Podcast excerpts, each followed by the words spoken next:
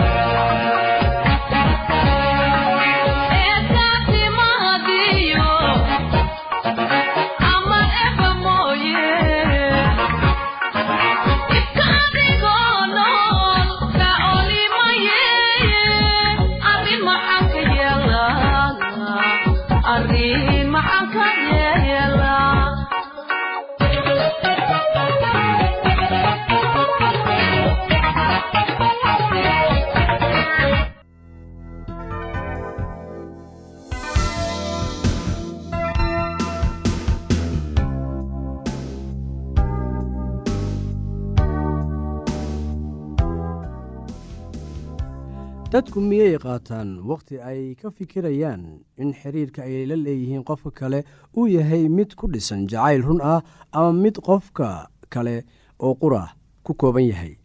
Xiriirkii ku dhisnaa afka keliya markii uu dhammaado sida caadadu tahay uu dhammaanayo. Markaasay dadku dib u eegaan oo isku yidhaahdaan runtii wax inaga dhexeeyey qofkaasi maba jirin. Wakhtiga ayuunbaan iskaga dhammaynayay hase yeeshee dareenkii ayaa wax loo dhimay. Wadna xanuun iyo madax xanuun ayaa qofkii ku dhacay. Noloshiisii qiimaha lahaydna waa lagu ciyaaray. Hoos waxaa ku qoran liis tusaalooyin ah oo kugu caawin kara bal inaad eegtid in xiriirka aad la leedahay qofka aad guursan rabtid uu yahay mid dhab ah iyo in kale. Jacaylka si tartiiba ayuu u koraa laakiin kan beenta ah si deg deg ah ayuu ku koraa jacaylku wuxuu koraa koritaankana wakhtigii ayuu qaataa. Taas waxaan uga dan leeyahay jacaylka si tartiib ah ayuu u koraa laakiin kan beenta ah si deg dega ayuu u koraa. Jacaylka wuu koraa koritaankana wakhti ayuu qaataa. Jacaylka beenta ah waxa aad ku garataa islamarkiiba ayuu ku haleelaa. Dhowr jeer oo aad qofka kulanteen kuma baran kartid waxaa laga yaabaa in qofka markii ugu horreysay uu si fiican u dhaqmeeyey aalaana dadka sida ayay sameeyaan marka ay qof cusub la kulmaan. Qofka waxa uu iska helayaa mid wanaagsan oo dabeicad fiican leh. Marka hore oo haddii ay wax cara ah ku dhalato wuu qiranayaa. Sababtan awgeed waxa ay qaadanaysaa bilooyin ama xitaa sanooyin si aad qofka si wanaagsan u baratid. Sababtan awgeedna weeye sababta ay dad badan uga calaacalayaan inay guursadeen qof aanay aqoon. Dadka qaar waxay qariyaan dabeecaddooda guurka ka hor laakiin hadhow ayay la imaanayaan waxa ay yihiin. Haddeer waad fahmi kartaa sababta aanay dadku u aqbalin jacaylka ku dhisan is-aragga hore. Waa rabi kartaa qof marka ugu horeysa laakiin ma jeclaan kartid haddaba ha ka yaabin waxaa laga yaabaa in marka ugu horeysa oo aad qofka la kulantidba uu ku soo jiito waxa aad dareemaysaa unugyada jirkaada oo shaqaynaya. Waad doondoonaysaa oo waxa aad arkaysid qofka qaabka jirka ficilka iyo qofka sida uu dareenkaaga kaga jawaabayo.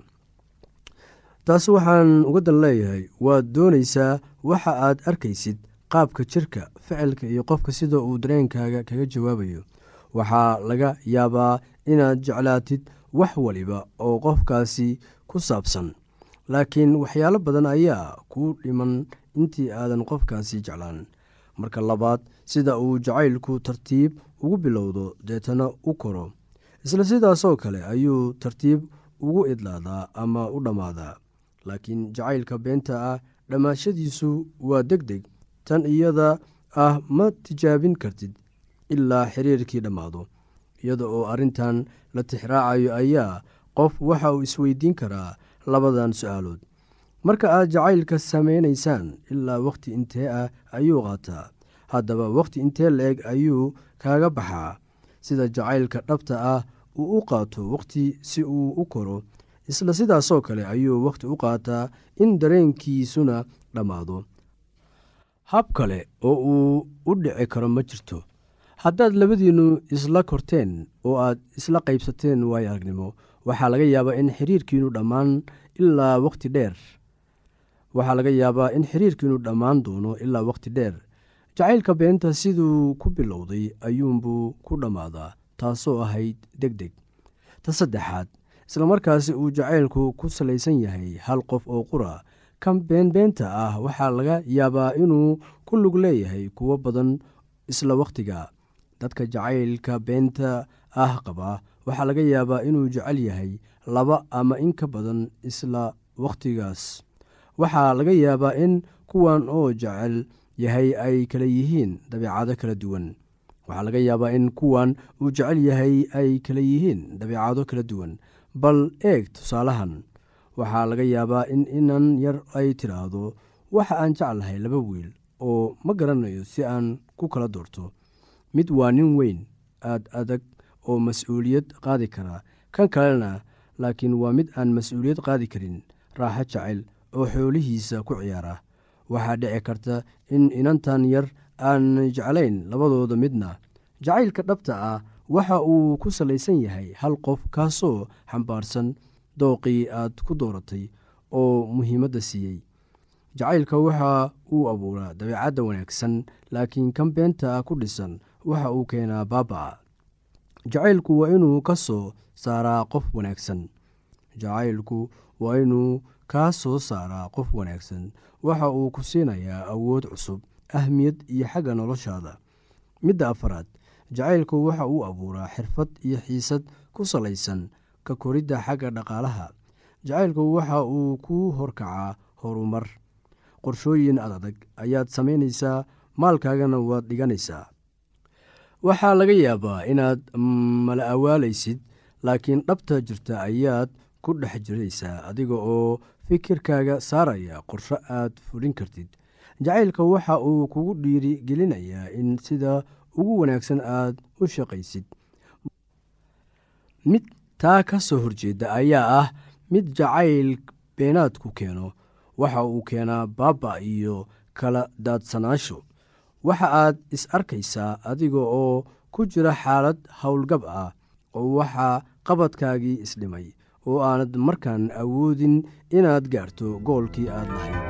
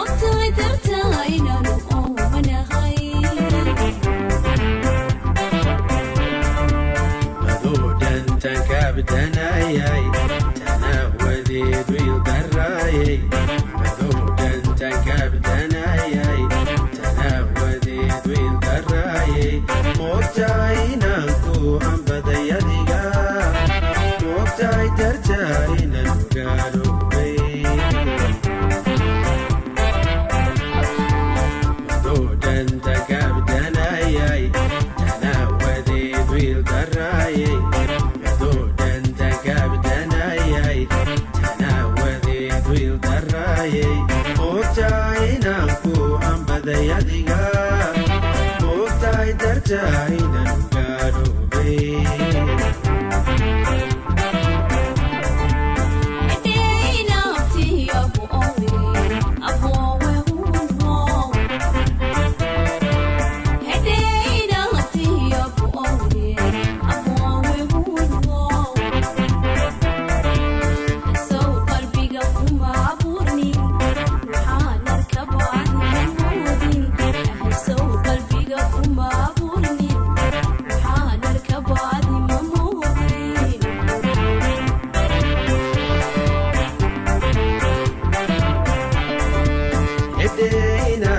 yeah.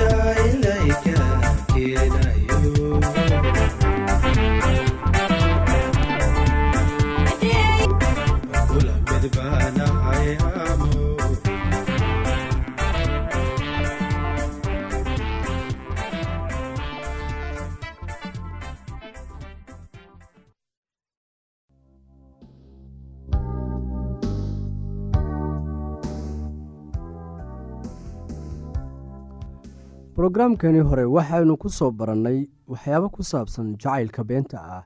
Waxaynu ognahay dhibaatada iyo xanuunka faraha badan uu leeyahay jacaylka beenta ah.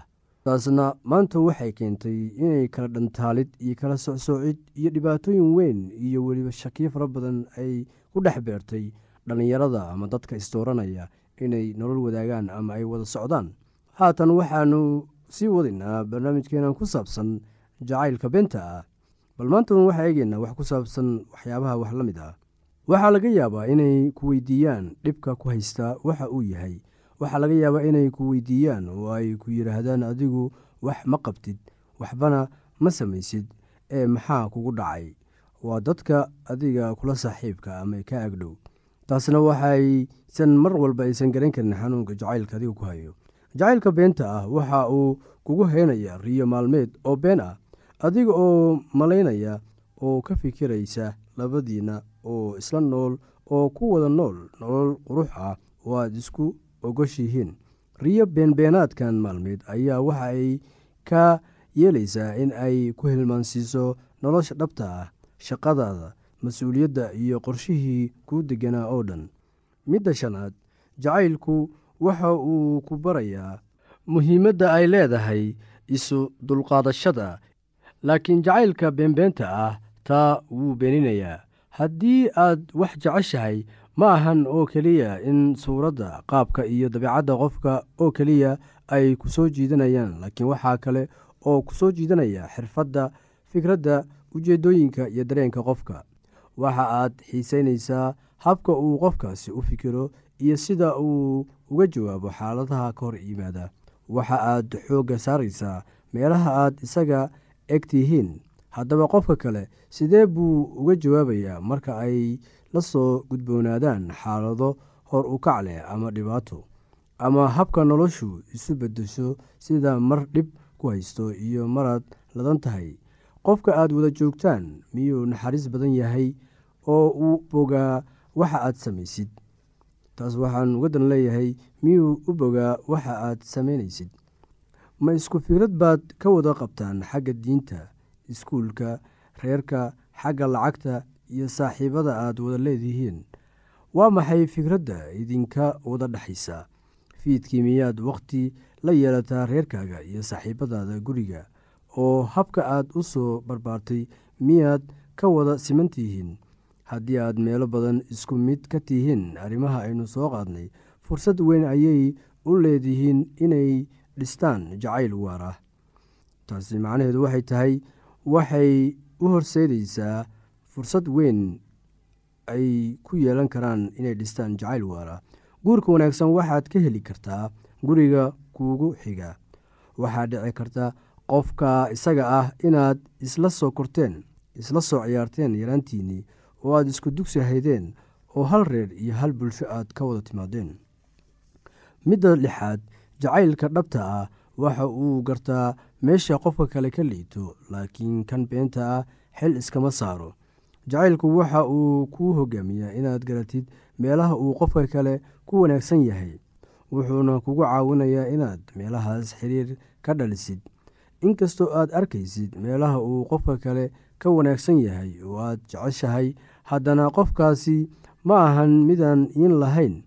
Looma baahna inaad ku qadarisid oo aad ku jeclaatid dabeecadahaas oo qura laakiin waxaa kaloo wanaagsan inaad ka dhiirogelisid meelaha uu ka liito oo koritaanka u baahan. Jacaylka beenbeenta ah ma arkayo meesha uu qofka kale ka liito. Ma doonaysid inaad aqbashid in qofka kale meelo ka liito. Waxa aad ku raaxaysan oo qura hal ama laba dabeecad oo wanaagsan oo uu leeyahay kuwaasaana daboolay qaladadiisii iyo meelihii uu ka liitay.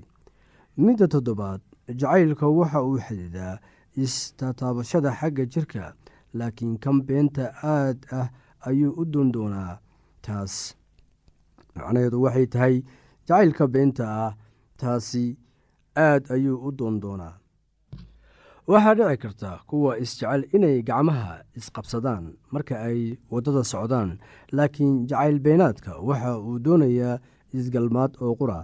Ugu dambeyn jacaylka dhabta ah ma lahan keli cunnimo laakiin kan afka ah waa keligii isjecle qofka jacayl beenaadka wata waxa uu ka fikirayaa oo qura waxa isaga u kaydsan oo uu ka heli doono xiriirkaas. Kama fikirayo waxa uu ku kordhin lahaa xiriirkaas wakhti yeelo oo waxaad eegtaa xiriirkaaga waxaanad barbardhigtaa shuruudaha aynu kor ku soo qaadnay. Deetana eeg in jacaylkaagu yahay mid dhab ah iyo inuu yahay mid afka oo qura ah